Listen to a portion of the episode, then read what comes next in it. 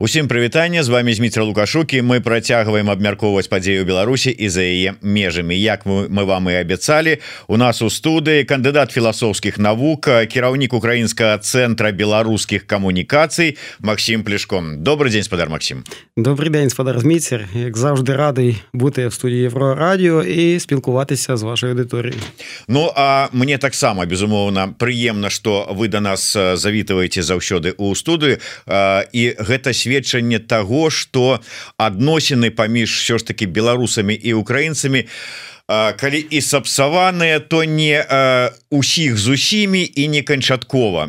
Але мы з вами не один раз гаварылі вось менавіта на гэтую тэму. Стан адносінаў паміж украінскімі беларускім грамадствамі. Ну калі можна конечно казаць вот про гэтую сярэднюю тэмпературу по больніцы але тым не менш. Я разумею что настроі постоянно меняются социологія яна рэч такая сёння такія настроі завтра показчыки зусім іншыя.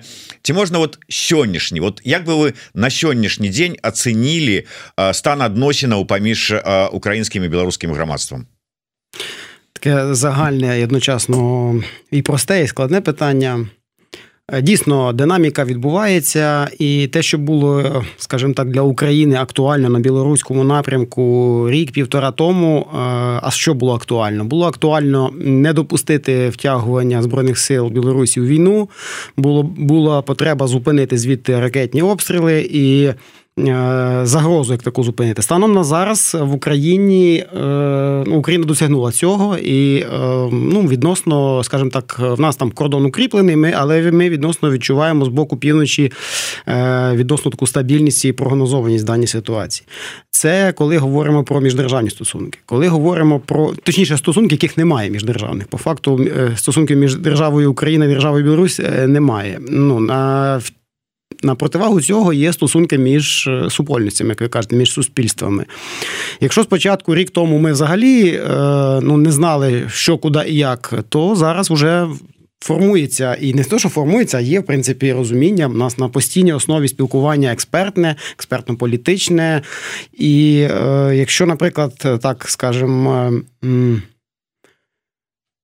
якщо б українці робили в Україні соціологічні заміри, і українці загалом до білоруської держави зрозумілих причин відносяться негативно. Там 86% негативно ставлення до білоруської держави. То, наприклад, наявність білоруських добровольців, наявність полку Калиновського, це ж теж громадськість, це теж громадство. Так е, показує, що є інша Білорусь. От Вони є символом. Ну і таким чином в українців, скажімо так, в загальному сприйнятті є починає формуватися розуміння, що існує дві паралельних Білорусі. Одна це Білорусь, яку купував режим Лукашенка, яка проросійська, яка є фактично соагресором і ворогом України. І інша Білорусь це паралельна Білорусь, це білоруська опозиція, це білоруське громадство, це білоруські добровольці. І Україна намагається, і ми намагаємося вбудовувати якраз співпрацю і комунікацію саме з цією громадською супольністю. Але, спадар Максим, ці не падаецца вам что вот ўсё ж таки разуменне того что ёсць дзве Беларусі яно ўсё ж таки не такое широкое як вы зараз опісалі Я маю на увазе что вот ёсць добраахвотнікі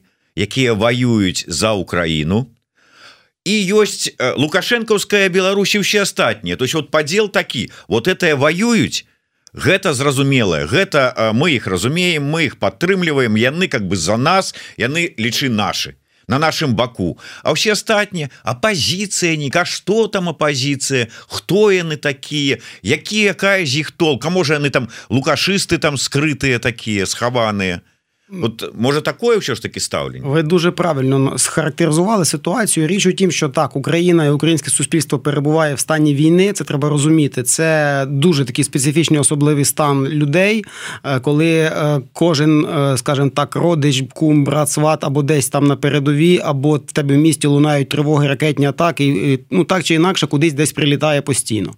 І зрозуміло, що в цій ситуації ті білоруси, які зі зброєю в руках борються проти російського російського агресора, звичайно, вони українцям зрозумілі. Тут питань немає. До цих ті, які перебувають за міжою, виступають там в телевізорі і на форумах, і них так само дійсно ви правду кажете про те, що сприйняття таке ну нерозуміння, що там взагалі відбувається, і взагалі для чого це потрібно.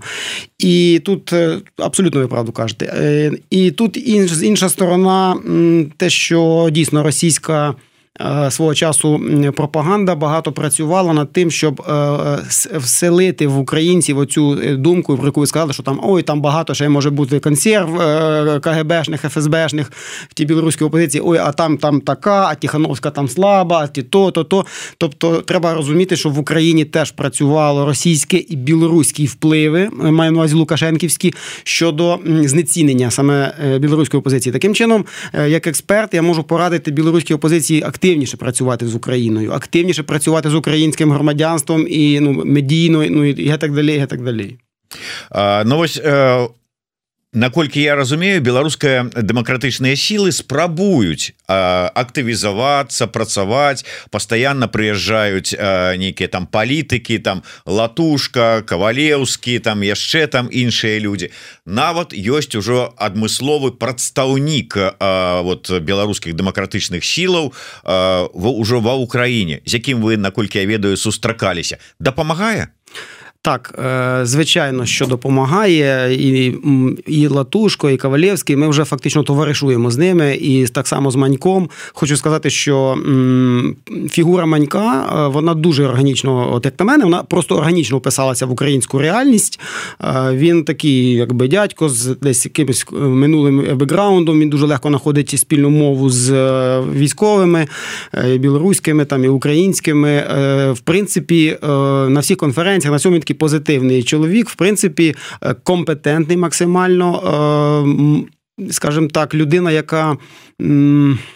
У нього на першому місці не слова, а на першому місці діло якесь.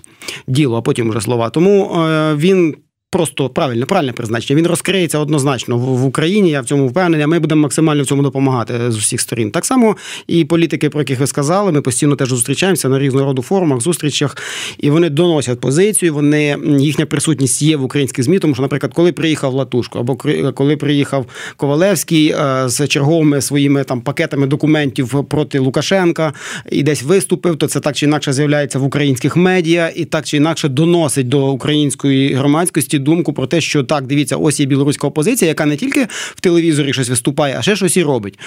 Тому так, це важливо. Але ви самі сказали, війна і для сёння для Украіны для украінцаў найперш усё тое что дапамагае перамагчы акупантаў для іх гэта важное Ну прыехаў латушка з документамі Ну і що mm і як это дапаможа перамагчы э, расійскую армію? Ну ёсць манько ну прадстаўляе некага. І что вот як это дапа Ну то есть я вот з пазіцыі звычайнага шараговага украінца вот разважаю. Ну ну малацы а толку? Угу. з приводу наприклад э, латушка так? Э, ну його тема от він взяв одну знаєте взяв собі свій тунель і цей тунель копає. І е, цей тунель рано чи пізно ну, він ж має вираження в конкретних рішеннях і в конкретних. Е, е, Скажімо так, ордерах так на арешт українці в більшості розуміють, що Лукашенко вони ставлять Лукашенка на одну шальку з Путіним, і вони розуміють, що ну ця людина працює проти того, щоб цей Лукашенко рано чи пізно там сів на лаву підсудних. Тому однозначно він союзник, однозначно це діло, і це видно. От тому ну а Маньков, я думаю, що його діло ще ми побачимо попереду. Тому, звичайно, що українці вони вони судять е, передусім е, по ділам. По ділам, передусім. Ну от я і кажу про те, що от коли пригнали там, умовно кажучи, два хаймерса вот сказали о молодцы это справа а так ну документы с папочкой приехал там ну вот подумаешь угу. ну і плюс е, ну ні документ скажу так е, документи політичні рішення е, вони важливі і вони будуть мати як ви кажете білоруси винніки і е, ну, українство це розуміє, що будуть винніки, а не просто поговорити. А звичайно, що ну Хаймерс там або допомога калиновцям вона б не завадила і іншим білоруським добровольцям. І, зокрема, вони завжди і про це кажуть. І тут ну такий є певний, е, скажімо так, ви так білоруси любите виносити сор е, білоруська опозиція має на увазі люблять виносити сміття сор из избы російською, сказати українською у нас нема такого.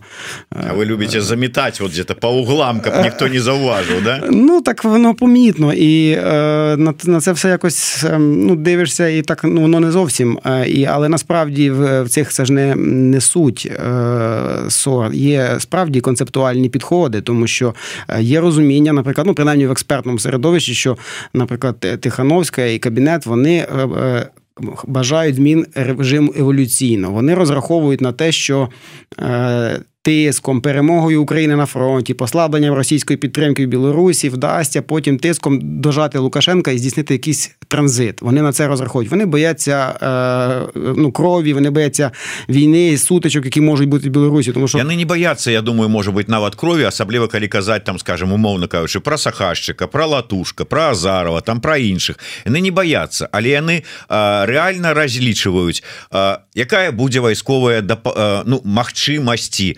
наколькі беларусы змогуць э, вайскова арганізавацца і сілай э, неякі там з рэжыму рэжыму рэжымам справіцца. Ці дапаможа у гэтым ці паспрыяе скажем так гэтаму э, Украіна? Mm. там не тым что яны там дадуць там сваіх там войска там цешы А там з украінскай тэрыторыі можна будзе пайсці? Тэхніку яны дадуць ці скажуць ребята это наша А вы як хочаце вон палки ў лесе збірайце ідзіце Дуже цікаве питання.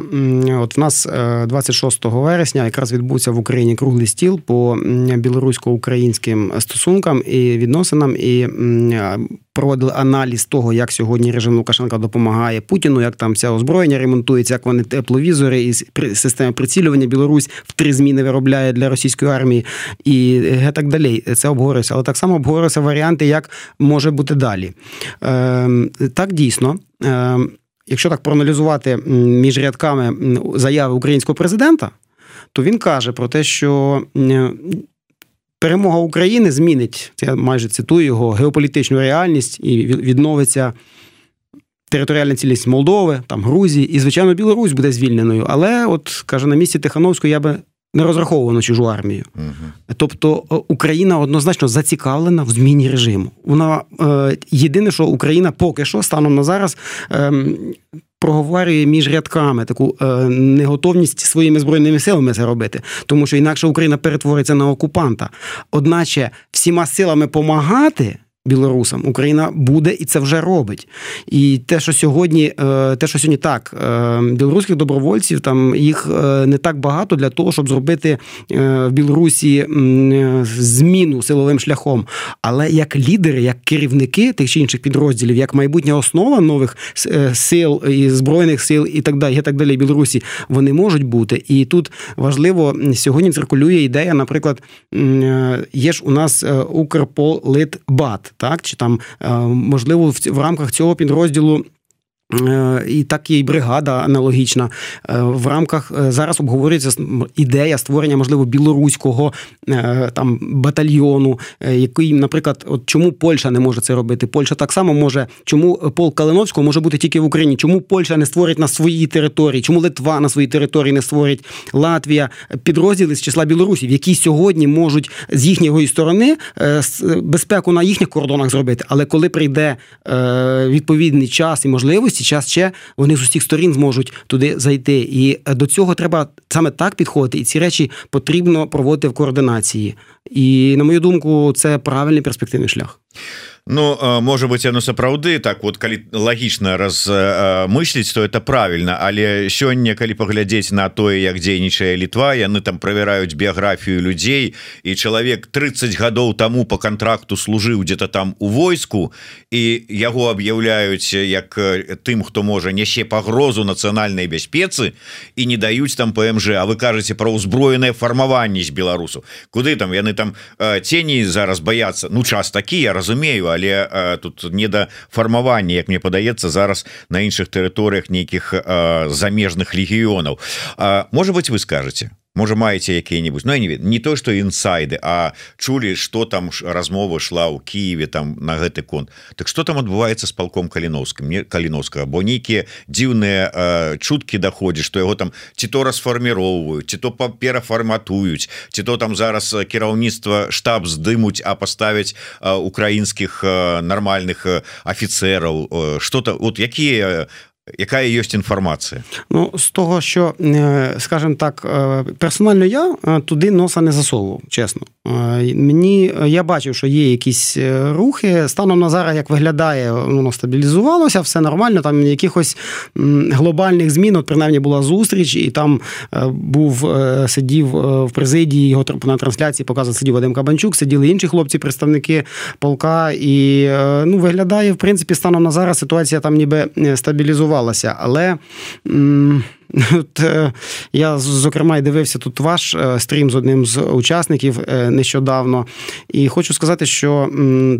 От ситуація, яка в полку є, вона нагадує мені чистої води добровольчі підрозділи, які були в Україні там з 2014 року, коли там, скажімо так, свого роду якась така демократія, внутрішня, якась така махновщина, як нас в Україні це називають, коли там кожен собі сам атаман.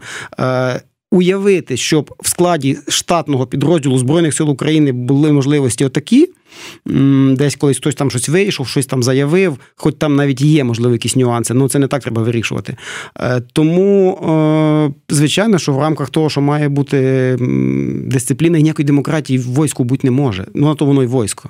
Бо якщо у вас там, ну, якщо є там демократія, то це ну, якісь такі, знаєте, це закінчиться нічим хорошим, не закінчиться для цього формування. Бо історія це показує. Наші визвольні змагання українські 17-20 е, років 1917 17-20 це показують. Що там, де була регулярна армія, вона могла діяти, і вона якось жила, і вона навіть навіть та українська регулярна армія.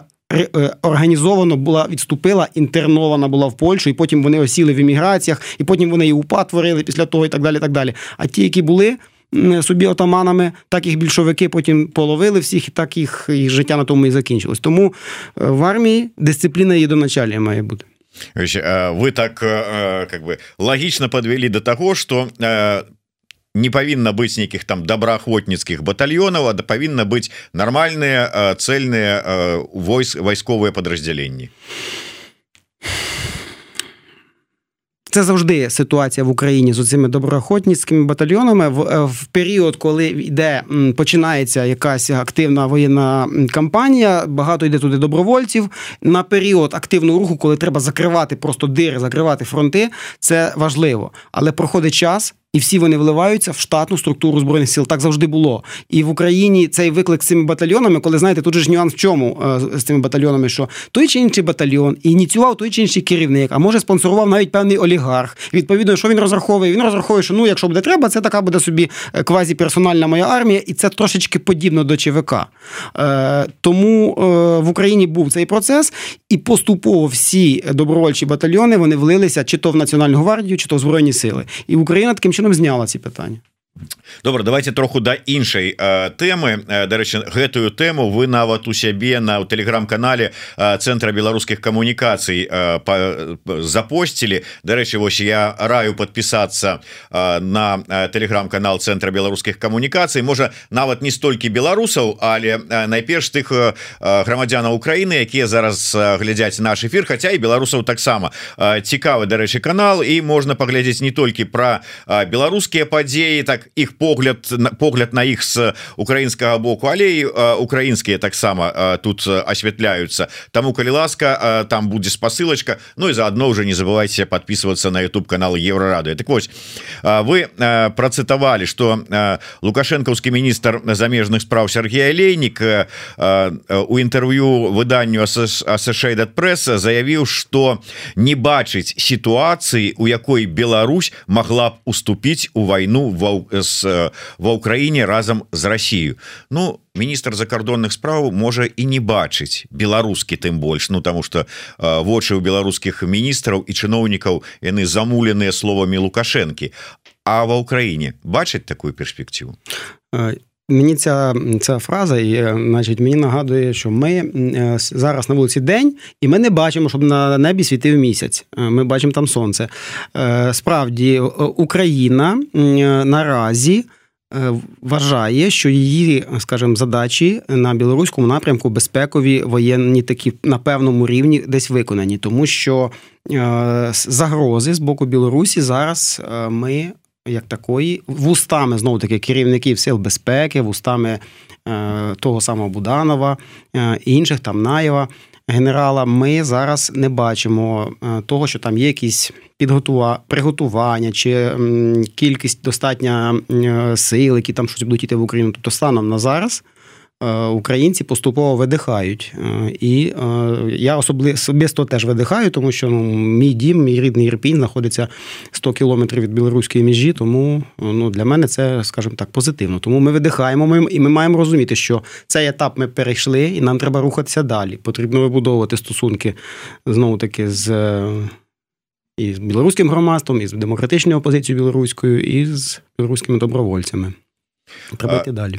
Ну ўсё ж таки наколькі ўсё ж таки канчаткова прынята рашэнне что небяспекі з таго боку няма Ну ситуація вона в динаміці? Я чаму я чаму пытаюся учора у мяне быў эфир с вядомым беларускім палітычным аглядальнікам радыё Свабода Юрыя дракахрустам і мы разважаючы над ось будучымі запланаванымі ўжо з анансаванымі сустрэчамі чарговымі лукашэнкі і Пуціна казалі пра што што это можа сведчыць і дракахруст кажа А можа ўсё ж таки Росія вельмі хоча, перахапіць ініцыятыву на фронте. А зараз вось набліжаецца может быть перад зімой там кажуць же шайгу далі новы загад і так далей гэтак далей. Чаму выключаць такую верагоднасць что з беларускай тэрыторыі ізноўку будзе нейкая пагроза? Хай сабе не беларускім войскам але ізноўку нейкія там ракеты вылеты абстрэлы там ці яшчэ якія правакацыі. Вот наколькі гэта? Поясню Чому я не вбачаю такої загрози? Росія повністю завантажила білоруський ВПК на 300%. Е, колісні тягачі білоруські, оптика, для танків, для БТРів, е, прилади е, наведення, коригування вогню, ремонт літаків в авіаремонтних заводах там білоруських в Підоршою і в Барановичах, ну і так далі. Тобто в три зміни працюють е, ці підприємства. Так само наші аналітики говорять про те, що там набирають постійно працівників і так далі. Тобто, тепер подивіться, по Росії всюди прилітає. От всюди прилітає. Нафтобази, заводи, там аеродроми, всюди прилітає. А в Білорусі ну тут ситуація якась така, знаєте, склалася. Ну, така, от така, знаєте, дуже така для України неоднозначна. З одного боку, з Білорусі в Україну нічого не прилітає, а з іншого боку, там все виробляється для війни російської проти України. І якось би і хотілося туди, щоб щось прилетіло на той завод. Ну не хочеться порушувати цей баланс. І розумієте, бо бо звідти нічого не летить. І станом на зараз, як виглядає, навіть Путіну не цікаво переводити Білорусь в гарячу фазу, тому що е, його зараз все влаштовує. І ну така от ситуація склалася. То виходить, що так, і Україну влаштовує, що з Білорусі нічого не летить, але не влаштовує, що там я підкреслюю, що там виробляється ця вся історія для російської армії. Тому зараз е, це вигідно ні Путіну, ні Лукашенку. Нікому Ну а Путіну невыгодна толькі з той пункту гледжання что ну, ну некая такая вырабніцтва для а, расійскага войска на тэрыторыі Беларусі можа пацярпець ці ну от... виробництво зброї. Яке яке важливе для російського, це справді важливе. Треба пам'ятати, що з радянських часів в Білорусі не розміщували великі виробництва, цілісні, які завершувалися фінально, так бо близько до кордону західного. Але але комплектуючі так, Багато, і це було зав'язано дуже сильно на ВПК Радянського Союзу. Потім була конверсія. Зараз з 20-го року це все було дуже сильно активно відновлено. Росія готувалася. І сьогодні підкреслюю завантажені білоруські е, всі заводи е, на це. Вони працюють на російську оборонку. Там е, дуже серйозно ну дуже серйозні об'єми роботи. І це не якісь там політичні заяви. і Так далі. Це конкретно системи, які коригують вогонь, які ставляться серійно, їх там масово виробляються. Тому для чого їм це, щоб зараз туди почати почало прилітати. Це перше, друге навчання, тренування їхніх сил, полігони, все інше. Е, фактично, Білорусь е, е, під владою Лукашенка сьогодні є такою собі тихою гаванню для російської оборонки і для російської збройних сил, щоб вони там тренувалися. Але з іншого боку, глядзіце, генерал Наел каже, що цалкам уся мяжа, замінірованая там все фортыфікацыі яны готовыя і не баяцца нічога Ну то есть готовыя сустрэць якая б там не была які б не быў напад. Такім чынам тут пагроза нібыта мінімізаваная. З іншага боку вельмі ну не на карысць Украіне что там вот так вот як вы кажаце вырабніцтва ідзе поўным ходам у тры смены. І гэта сапраўды так. а а, так можа быть ну как бы шмальнуть пару шмальнуть пару раз тому что ну параўнаць рызыкі с аднаго боку. Ну что яны там? Этот ОМОН свой ці там собор там ці что там этот спецназ который умеет только бабушек да студэнтаў на акциях разгонять и ходят такие гордые. Ці можа быть губазик этот вот возьме свой сцяг власаўскі который стаіць у іх там у кабінете трыколор и побяжыць на гэтые мінные палі які якія установілі украінцы не чаго баяцца з іншага боку сарвуць вырабніцтва каштоўнай для расійскай арміі там нейкіх там ну чаго там я не ведаю того что прыбораў там ці рамонта ці яшчэ чаго Ну а з іншого боку знову полетять ракети з Білорусі по Києву по іншим обласним центрам вздовж по по Житомиру по Е, Луцьку, Рівному там і по Львову з Білорусі. Да? Ну тобто, я думаю, що воєнно-політичне керівництво України зважує ці моменти і ці ризики. І на мою думку, тут е, на мою думку. Потрібно працювати зараз, може не тільки військовим способом, а е, я транслюю цю думку українським експертам, українським колам і політикам. Треба теж розуміти. Я тут зроблю маленьку ремарку. Український політик або там державний діяч, або хто там приймає рішення, він не може бути експертом у всьому, в тому числі по Білорусі. Вони багато, і це нормально, що коли ти не орієнтуєшся у всьому. Але і ми продовжуємо цю тему транслювати. Ми маємо Україна допомагати. Допомагати е, підтримувати вас, е, демократичних білорусів, яких я називаю зрощувати білоруську націю, готувати її силову спроможність, е, співпрацювати з партнерами е, навколо Білорусі, які є Польща, Литва, Латвія, Україна, е, військову спроможність готувати, політично тиснути на Лукашенка на все інше і готувати час, коли білоруська нація зможе опанувати власну державу. І коли над е, ну ми всі зацікавлені в тому, і Київ зацікавлений в тому однозначно, щоб над Мінськом піднявся біло-червоно-білий прапор. Просто це насправді моя мрія і мрія багатьох українців, хто розуміється в білоруському питанні. Ну я з вами тут цалкам згодны хотя бы у той сітуацыі. Я разумею что стасункі пагоршыліся але як толькі з той ці іншай прычыны по ініцыятыве таго ці іншага боку ці трэцяга боку. Але праліецца кроў беларуская украінская гэта канчаткова паставіць крыж на бліжэйшыя десятгоддзі у адносінах паміж нашими народамі. Вот мне так падаецца Так, і слава Богу, що зараз, е, слава Богу, що зараз е, ну, ця загроза від, відійшла вже трошечки е, зменшилася, і ми маємо це розуміти, маємо відмічати цей цей успіх, і маємо знову таки, як я повторюся, рухатися далі, тому що в усіх так само має бути розуміння і в білорусів, і в українців. Перше, що режим Лукашенка, оце як я повторюю, цей Франклінштейн ідеологічний, який побудований на мімік... на ці мімікрії і ці нікрофілії радянського періоду, оцей режим, який окупував власний народ, який сам себе виніс за рамки цього народу, цього національного проєкту, він недовготривалий. Він закінчиться рівно тоді, коли закінчиться життя Лукашенка або його контроль над силовиками в країні. Е, всі е, люди, які вміють мислити, хоча б так на кілька десятиліть вперед, всі розуміють, що е, це не може тривати довго. Ні російський режим, ні тим більше білоруський, бо він залежний, він штучний абсолютно. Російський режим, хоча б він хоча б вибудований на російській психології, на тому, що вони завжди цього царя свого любили, носилися. Він цей цар їх гнобив стогоддями, а вони оце йому п'яте цілували. Ну, білоруси не такі. І е, Білорусь все рівно буде вільною, однозначно, і біло-червоно-білий прапор буде над мінськом, і це всі мають розуміти. Я намагаюсь так робити, щоб це побільше людей це розуміли в Україні. Я до вас як да палітолага звярнуся зараз. Гліце, сёння прэзідэнт Польшы дуда разам з міністрам обороны сваёй краіны наведаў ось гэты трохкутнік дзе сыходзяцца мяжа Польшчы Украіны і Беларусі побач з любленым так званы люблінскі трохкутнік ёсць нават такая перамоўная пляцоўка так і называется люблінскі трохкутнік. Але Беларусь ніякім чынам ну зразумела лукашэнкаўскімі структурамі але і дэмакратычнымі структурамі не прадстаўлена ў гэтым люблінскім трохкутніку. Як вы лічыце ці правільна на сённяшні момант гэта? Я разумею што ў перспектыве там мы там усе там і гэта так далей. А сёння? Ці правільна і што трэба рабіць?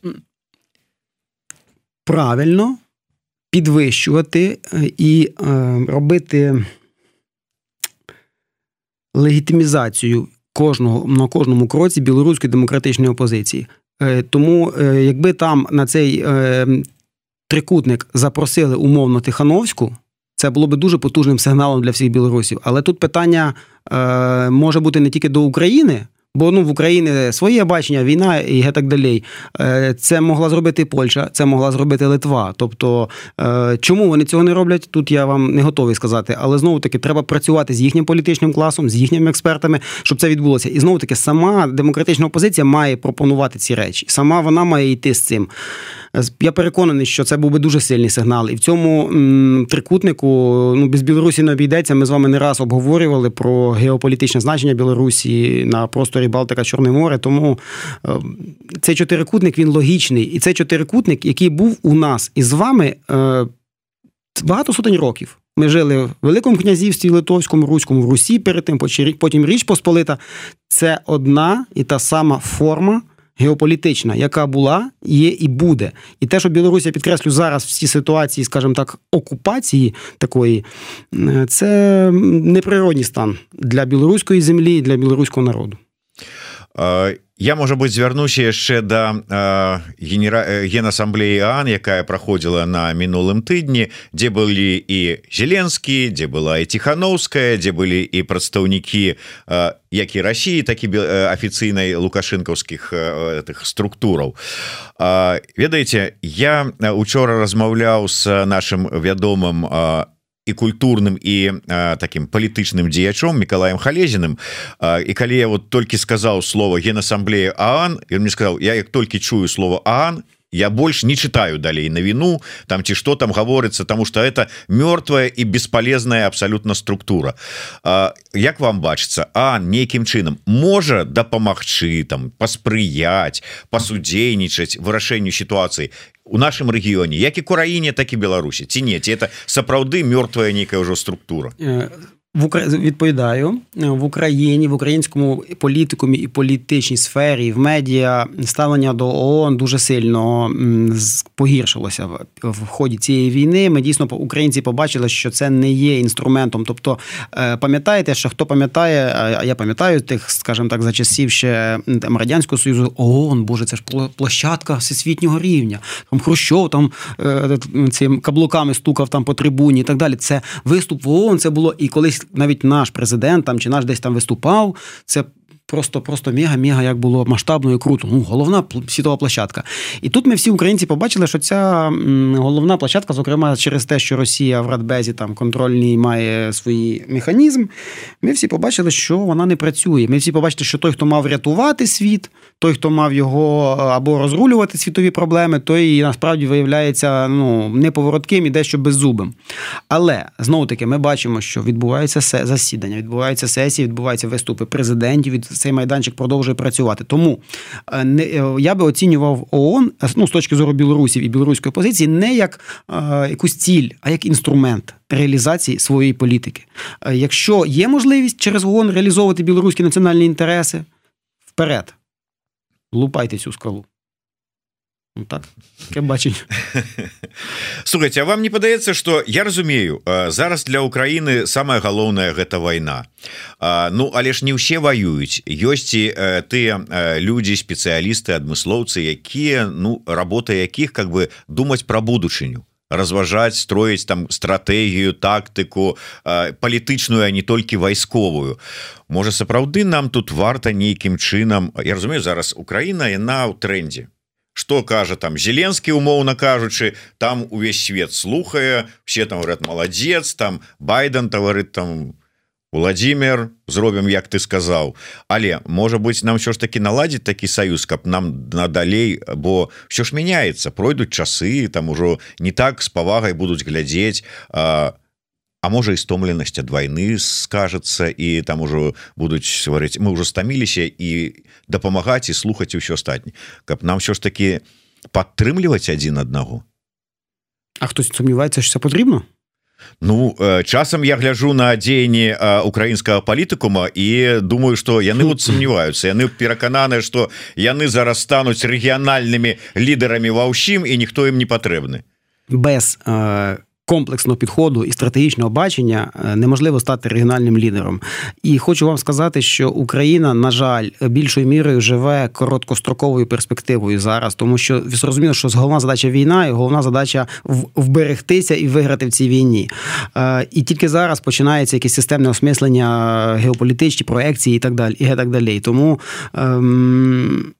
Важко говорити сьогодні в Україні е, про якісь десятиліття вперед. Е, бо коли ти керівник якогось там міністерства або обласної якоїсь військово-цивільної адміністрації, то твоя задача зараз цю зиму перейти. Твоя задача, щоб в тебе були в лікарнях генератори, і е, коли будуть вирубати світло, щоб було чим опалювальний сезон і так далі. Тому треба розуміти, що ну важко, важко в країна, яка воює, важко говорити про якісь дуже дальні такі стратегії, але потрібно. Потрібно, ну і власне ми це робимо. І ми це робимо, і треба це робити, бо ну, бо інакше ти суб'єкт. Якщо ти не розмірковуєш на перспективу, якщо ти не маєш стратегій е, і не бачиш свого інтересу, як його реалізувати, то ти стаєш просто суб'єктом, об'єктом, вибачте. А якщо ти маєш свою візію, ти йдеш по ній, тоді ти суб'єкт процесу, тоді ти вже. Е, говориш. І так само я згоден з вами, що да, дійсно може статися. Прийде час, коли вже е, не буде. Ну, час міняє. І от те, що сьогодні, всі аплодують Зеленському, прийде час, так може не бути. Да? І і дійсно в Україні варто, ну, варто, варто, варто вибудовувати. А я пагажуся з тым что вось такога бачання на перспектыву э, яго не хапае не толькі украінскаму палітыкуму але беларускім дэмакратычным сілам. Вельмі моцна не хапае як мне падаецца по асоб, асобным накірункам так дакладна. Э, зміцер його не хапае навіть Вашингтону. Бо якби Вашингтон і все робив правильні кроки 94-му році е, НАТО і всі інші, то сьогоднішні війни, вибачте, давно Німеччина торгувала з Путіном, строїла північний потік і так далі. Давно всі французи були влюблені в велику російську культуру. Ну це ж було ось недавно. І ви вдумайтеся, цей світовий фейк-фейк, тобто російська, вся весь русський мір це це, це, це фейк, це е, камера обскура перевернута.